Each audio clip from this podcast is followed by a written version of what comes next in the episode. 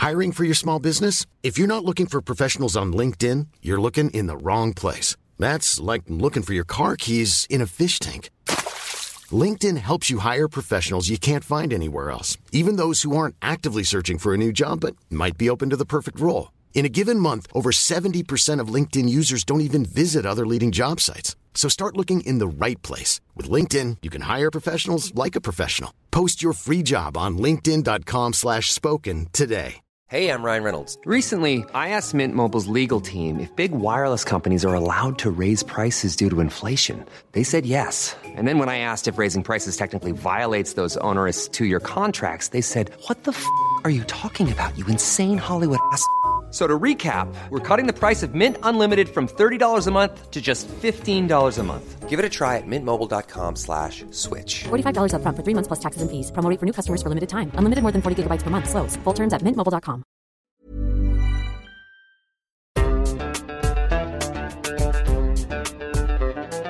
Podcast solved.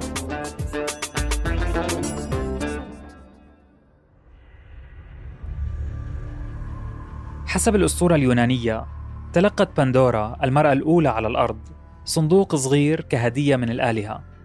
منحوها إياه بس اشترطوا عليها عدم فتحه. بعد فترة وبسبب الفضول القاتل قررت بندورا تخالف أمر الآلهة وتفتح الصندوق. فتحته من هون وبلشت تطلع منه روائح وأصوات مزعجة. ثم فاض بكل شرور العالم بالحروب بالأمراض والموت والكره والطمع وكل مسببات معاناتنا كبشر.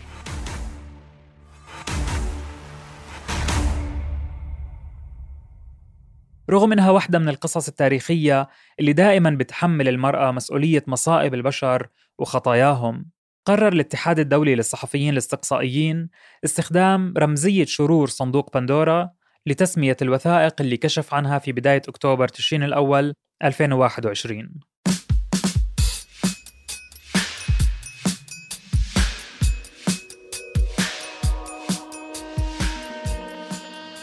مرحبا. هذا بودكاست المستجد وأنا محمود الخواجة. في هاي الحلقة بنسأل عن مفهوم الملاذات أو الجنان الضريبية وعن وثائق بندورا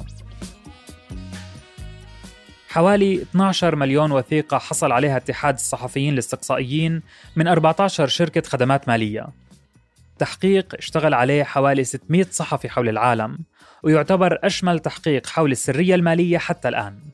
التحقيق بيتهم زعماء دول وشخصيات سياسية ورياضية وفنية معروفة بإخفاء ثرواتهم عبر شركات خارجية تعرف بشركات الأوفشور غالبا بهدف التهرب الضريبي.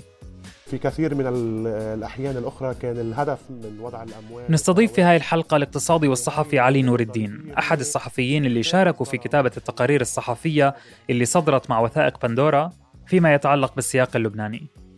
رح نفهم منه أكثر عن الأهداف المحتملة اللي بتخلي رجال الأعمال والسياسيين يلجأوا للملاذات الضريبية لتسجيل شركات وهمية بتنفذ بالنيابة عنهم صفقات وأعمال تجارية.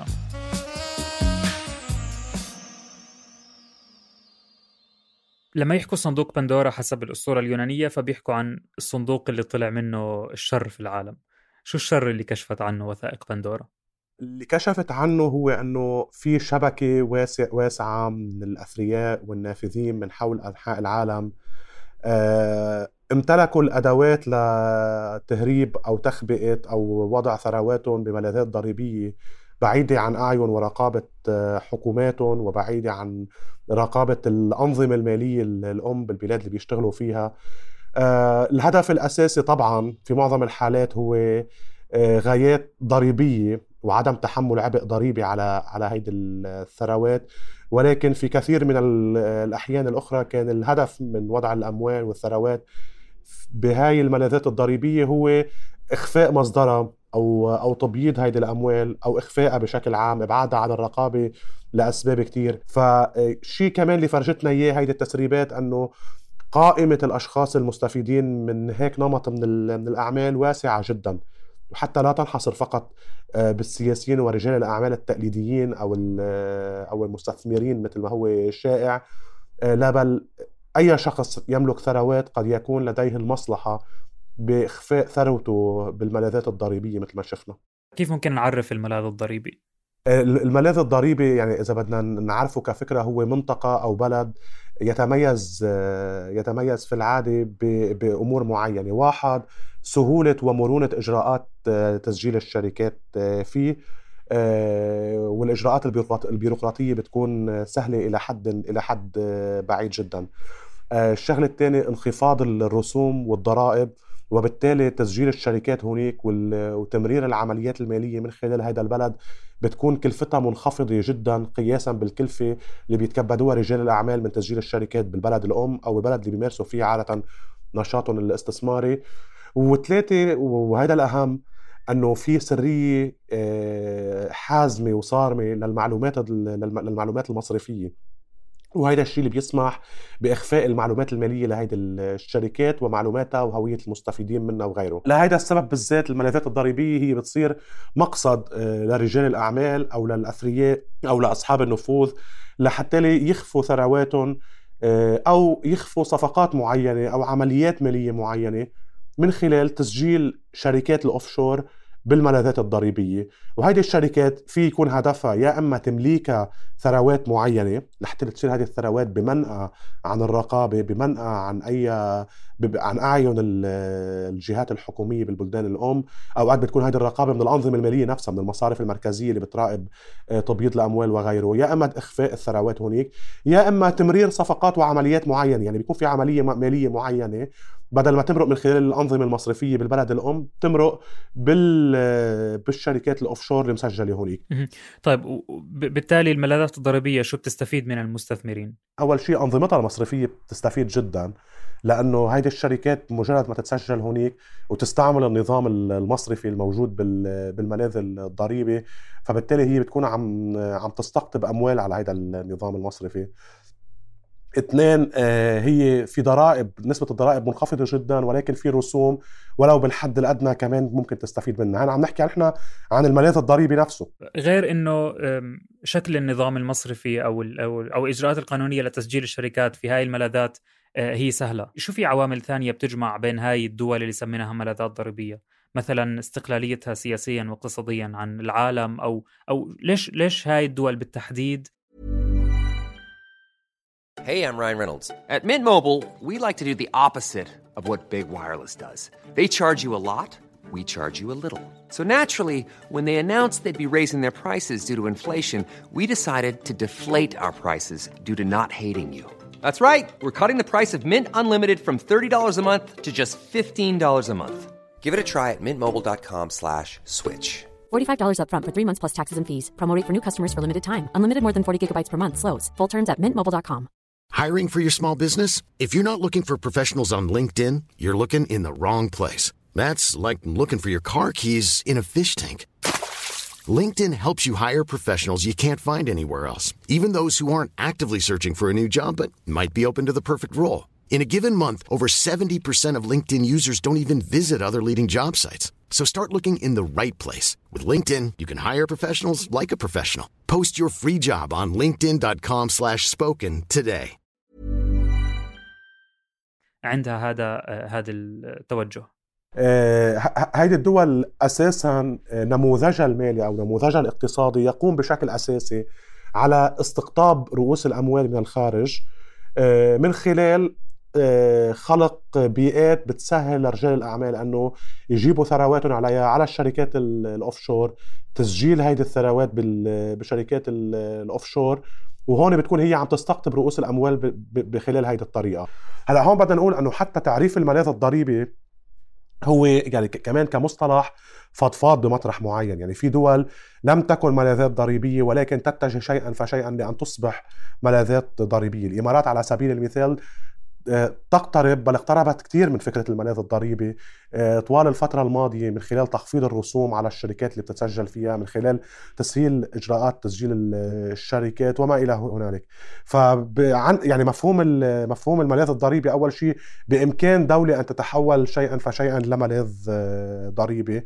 المصطلح أيضا نسبي يعني في أوقات في أوقات دولة بتكون ملاذ ضريبي إلى حد ما وهذه شغلة كمان مهم واحد يلتفت لأنه القصة مش أبيض أو أسود. فيها الدولة شوي شوي تقترب من فكرة الملاذ الضريبي. كل كل ما خفضت رسوم وكلفة تسجيل الشركات والرسوم الضريبية على هيدي الشركات كل ما منحت سرية أكبر لمعلومات الشركات المسجلة عندها. يعني كأنه في هيك زي تباين يعني بينهم. يعني الإمارات ممكن بتسهل إجراءات بس ممكن توفرش هذا الكم من السرية اللي بتوفره مثلا جزر العذراء 100% 100% هلأ في أكيد في دول هي تقليديا معروفة يعني أو مناطق معروفة جزر العذراء أو بنما أو هيك هو معروفة تاريخيا إنه هي ملاذات ضريبية.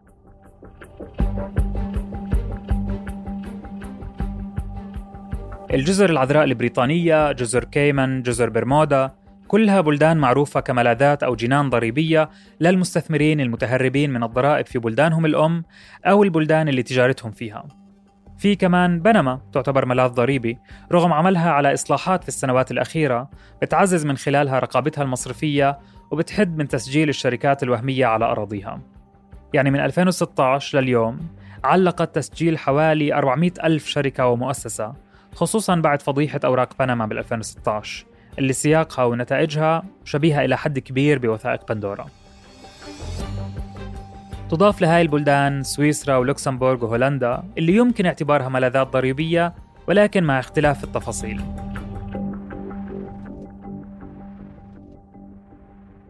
المهم في هاي البلدان تسجل شركات الأوفشور لأهداف مختلفة.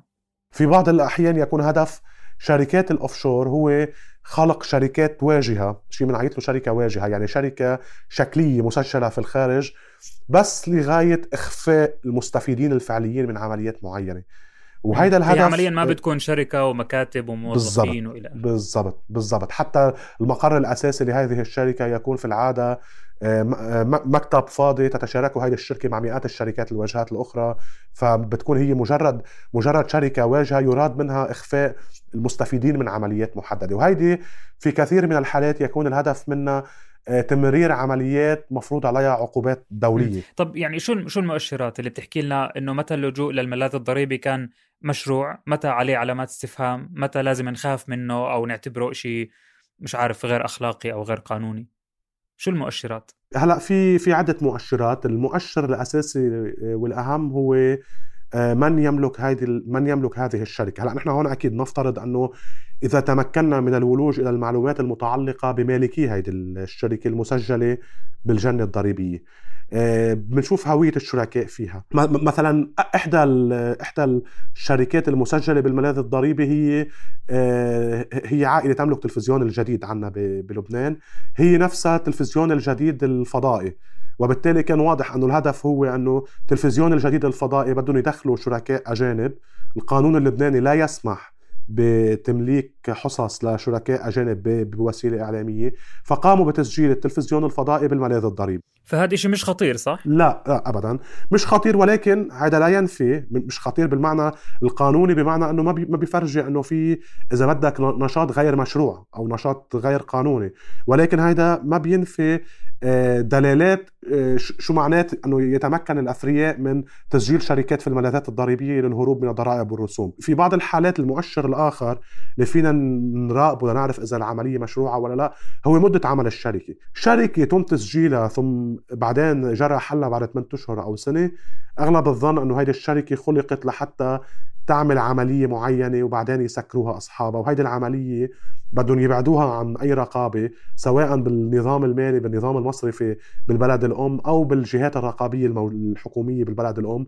فجرى تسجيل هيدي الشركة بالملاذ الضريبي لحتى تقوم بهيدي العمليات وبعدين بيتم بيتم إقفالها. وعم نحكي عن عملية أو أو أو صفقة. أو صفقة ممكن تكون مشروعة ممكن تكون غير مشروعة صح؟ برضه لسه ما بنعرف. صح بس أنا عم أقول المؤشر اللي بدل أنه أنه في شيء مشبوه عم بيصير. بيصير كل ما تكون قصيرة مدة تسجيل الشركة وبعدين حلها هذا بدل أنه في شيء مش مش مزبوط عم بيصير. في شيء مش مش قانوني. كل ما تكون النشاط التجاري تبع هذه الشركة المسجلة بالملاذ الضريبي مستدام أكثر هذا الشيء بيعني إنه هذه الشركة تمارس فعلا نشاط معروف إلى العلن ليش فكرة إنه رجال الأعمال إذا آه، سجلوا شركاتهم بعيدا عن البلد الام العاملين فيها مشان يدفعوا ضرائب أقل ليش هاي مشكلة أخلاقية ممكن؟ أو أو أو بالنسبة للمواطنين هاي البلد الأم. هي وين وين لازم وين لازم يحاكموا هذا التصرف؟ هي اولا هي مشكلة أخلاقية وهي تحدي قدام ال... قدام جميع دول العالم. يعني أيضا هي مشكلة أخلاقية يجب حلها بأي ثمن لأنه آه، السياسة الضريبية هي الأداة الأساسية لأي نظام سياسي ليقدر يوصل أو يقترب من مبدأ العدالة الاجتماعية، النظام الضريبي هو ما يسمح آه، بتحقيق ما نسميه بسياسات إعادة التوزيع، بمعنى أنه فرض ضرائب معينة على الفئة الثرية أو الفئة الاكثر الاكثر اقتدارا في المجتمع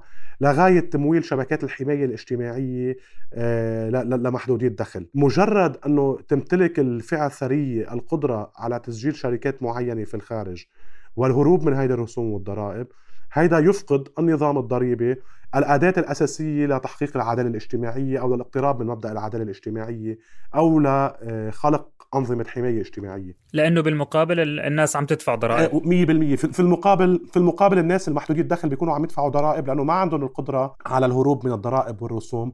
في المقابل الفئة الثرية بالمجتمع أو الفئة النافذة حيكون في عندها القدرة على تسجيل الشركات بالملاذات الضريبية والهروب من هذه الضرائب والرسوم.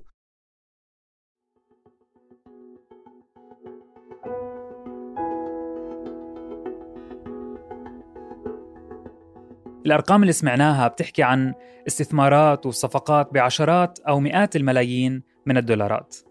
هاي الصفقات تمت من خلال شركات الأوفشور المسجلة في الملاذات وبالتالي نتج عنها تهرب من ضرائب بمئات آلاف الدولارات على أقل تقدير.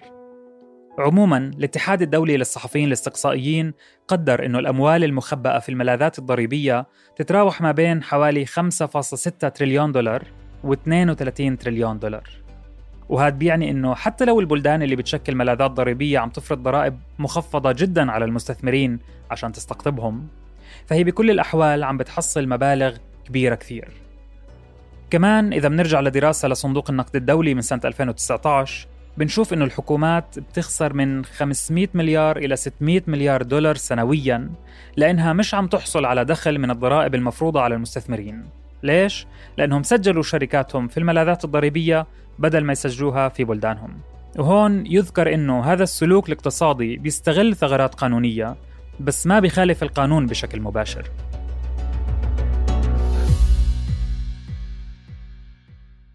طيب آه لسه إحنا عم نحاكم الموضوع اخلاقيا بس هو هم هدول الناس مش عم بخالفوا القانون بحرفيته يعني بنصه صح؟ ببعض الأحيان عم بخالفوه بنصه ببعض الأحيان لا. يعني أول شيء حتى بالموضوع الضريبي تتحول لتحايل ضريبي مش بس استفادة من الثغرات لتحايل وتهرب ضريبي وصولا إلى إلى إلى ممارسات غير مشروعة للتهرب من الضرائب. هاي اولا. ثانيا بكثير من الأحيان هذه الشركات هي أداة لتبييض الأموال مثل ما قلنا لما يكون الهدف إخفاء مصدر هذه الثروات. أو آه، تخبئة هذه الثروات لانها ناتجة عن كسب غير مشروع أو عن أنشطة غير قانونية. بهيدي الحالات تتحول هيدي الشركات المسجلة بالملاذات الضريبية لنشاط أو ممارسة آه، غير قانونية. في بعض الحالات مثلا شفنا شركات الشيء الوحيد اللي بيجمع بين كل المساهمين فيها هي إنه هن شركاء لأفراد مفروض عليهم عقوبات دولية. وبالتالي هذا الشيء دفعنا للاعتقاد بأنه هيدي الشركات هي أداة كانت للتملص من آه، بعض الحواجز اللي بتفرضها العقوبات الدولية على على هؤلاء الأشخاص مثلا. فكمان آه، بكثير من الأحيان هيدي الشركات بتكون أداة أو باب من أبواب ممارسة أعمال غير قانونية وغير مشروعة مش بس أنشطة غير أخلاقية فقط مثل ما كنا عم نقول. طيب في الحالات اللي كانت بالكشفت عنها وثائق بندورا كان في حالات اللي أصلا لشخصيات جمعت بين التجارة آه، ومراكمة الثروة وبين منصب سياسي معين وإنه هذا شيء غير مقبول مثلا بقوانين الدول اللي كانت فيها هاي الشخصيات هل كان في حالات زي هيك في وثائق بندورا؟ الشيء المثير للاهتمام بمسألة الجمع ما بين منصب عام أو أو كونه شخص سياسي وامتلاك شركات مسجلة بالملاذ الضريبي الشيء المثير للقلق أنه غالبا ما السياسي يملك طرق لجني أموال بأساليب غير مشروعة. لأنه السياسي سياسي عمله الأساسي هو العمل في الشأن العام مش بال مش بالتجارة والاستثمارات. وبالتالي إذا في إذا في ثروات عم تتحصل عنده بالتأكيد هو عم يستفيد من نفوذه ومن النفوذ اللي عم يمتلكه من العمل بالشأن العام. وبالتالي تسجيل شركات بالملاذات الضريبية حرصوا على إخفاء الثروات في الملاذ الضريبي هذا الشيء بيطرح علامات استفهام. إنه هل هو فعلا يستفيد من الملاذ الضريبي لإخفاء مصدر الثروة أو لإخفاء ثروات غير مشروعة جرى جرى تكوينها؟ فهون بنرجع لقصة إنه آه، آه، إنه العدد الكبير من السياسيين اللي يملكون آه، اللي يملكون كانوا شركات مسجلة بالملاذات الضريبية ولا شو بدل هذا الموضوع؟ طيب في أشياء بتشوف إنه وثائق بندورا لسه ما جاوبت عليها. إنه مثلا كان في علامات استفهام على نشاط معين بس ما كانش واضح شو وراء هذا النشاط. أكيد أكيد. هو يعني أول شيء تختلف نوعية المعلومات اللي موجودة كانت بالوثائق بين بين شركة وشركة. بعض الشركات مثلا كنا عم نقدر نشوف آه شو نوعية العمليات اللي قامت فيها. قدرنا نشوف عمليات عقارية قامت فيها. قدرنا نشوف آه بعض بعض حركاتها المالية. قدرنا نشوف مين هوية الشركاء فيها بالتفصيل. قدرنا نشوف محاضر اجتماعات الجمعية العمومية يعني الجمعية العمومية يعني كل المساهمين فيها وشو أخذوا قرارات وشو سلموا صلاحيات. بعض الشركات ما قدرنا نفوت بكل هالتفاصيل. كنا عم نقدر نشوف مثلا شهادة تسجيل الشركة المفوضين بالتوقيع عن الشركة آه، الهدف تبع الشركة كما كما يبدو من الأوراق فقط. فتختلف يعني كمية المعلومات اللي قدرنا ناخذها عن كل شركة أو عن كل نشاط كانت مختلفة بين حالي وكانت مختلفة بين بين حالي وحالي. وبالتالي بالتأكيد في جزء كبير من المعلومات وهذا كمان تبين في كثير من الشركات كنا عم نشوف مثلا إنه أوكي هو هول هن الشركاء الموجودين بهذه الشركة هذا تاريخ التسجيل هذا تاريخ حل الشركة ولكن ما عرفنا بالضبط شو كان هدف آه، التسجيل هنيك وشو نوعية العمليات اللي قامت فيها. متابعة هذا الموضوع والذهاب أبعد من الوثائق هيدا مفروض يكون من عمل الجهات الحكومية. هيك وثائق بندورا ممكن تمهد محاسبة مثلا. بالضبط. أنا برأيي أهمية وثائق بندورا هي إنه لا تعطينا حقائق كاملة ولكن تعطينا مؤشرات. لما نجي نشوف إنه الشخصية الفلانية سجلت هيدي الشركة في الخارج نحن هون مفروض إنه هيدي تكون أول إذا بدك مثل ما بنقول بالعامية بالدارج إنه رأس الخيط يعني لا تلحق الحكومات آه، هيدي المعلومات. هلأ طبعا نحن عم نفترض إنه الحكومات تملك النية وتملك المصلحة في ذلك لكن في كثير من الأحيان وبرجع للشيء الأساسي إنه حين يكون أولياء الأمر هن نفسهم المتورطين بهيدي المسألة. يعني عم نحكي الجهات الرقابية لا تملك حتى المصلحة في ذلك. عرفت كيف؟ مش حيكون عندها المصلحة. ليه جهه ليه جهة رقابية أو نظام سياسي بده يروح يتحرى على عمليات هو نفسه يعني شخصيات منه كانت متورطة فيها أو كانت مستفيدة منها. إذا هو عم بخبي شيء أكيد ما حي ما حيجرب يكشف عن حاله. وهون بنرجع على النقطه الأساسية واللي دائما بتقلق. إنه ما العمل لما يكون الشخص اللي المفروض يكون هو اللي عم يشتغل للمصلحة العامة هو أول شخص كان عم يشتغل لمصلحة خاصة على حساب المال العام بمعزل عن قانونية الشيء اللي عم يعمله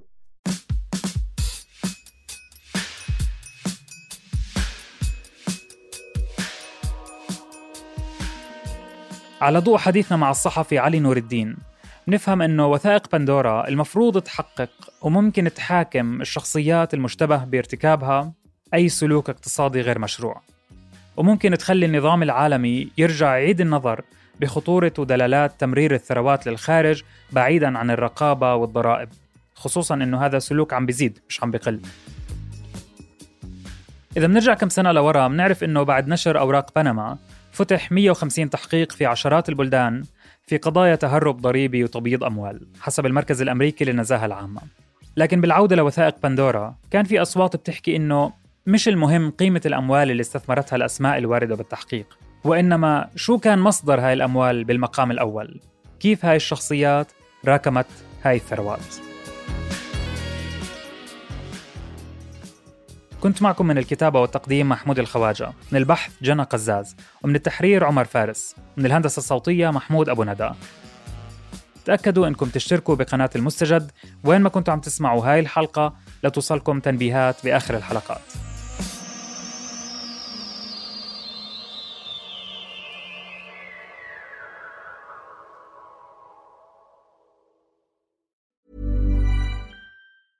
Hi, this is Paige from Giggly Squad, and I want to talk to you about Splash Refresher and my water intake. Okay, so you guys obviously know that I'm a hydrated girly, but sometimes when you drink that much water, it starts to just taste bland. And you're just like, I need something to spice it up. That's why I love Splash Refresher. It has zero sugar, zero calories, and it's a splash of sweetness. And they come in five different flavors. They're so good wild berry, acai grape, pineapple mango, lemon, and mandarin orange. My favorite is the wild berry because I just I just love a berry. So if you're like me and you're drinking water all day, then try Splash Refresher. It's going to absolutely change your water game and it's good for you. ACAST powers the world's best podcasts. Here's a show that we recommend. The Real Housewives is a guilty pleasure for most, but if you're looking to not feel guilty about that pleasure, tune in to Everything Iconic with me, Danny Pellegrino, where I break down all the messy moments and behind the scenes antics of Bravo's popular franchise. And on Everything Iconic, I also interview celebrity guests like Kelly Ripa, Kiki Palmer, Drew Barrymore, Cameron Diaz, and more about their guilty pleasures, their past work, and so much more. So if you're pop culture obsessed and find yourself watching way too much reality TV like me, tune in to Everything Iconic with Danny Pellegrino wherever you listen to podcasts. ACAST helps creators launch, grow, and monetize their podcasts everywhere. ACAST.com.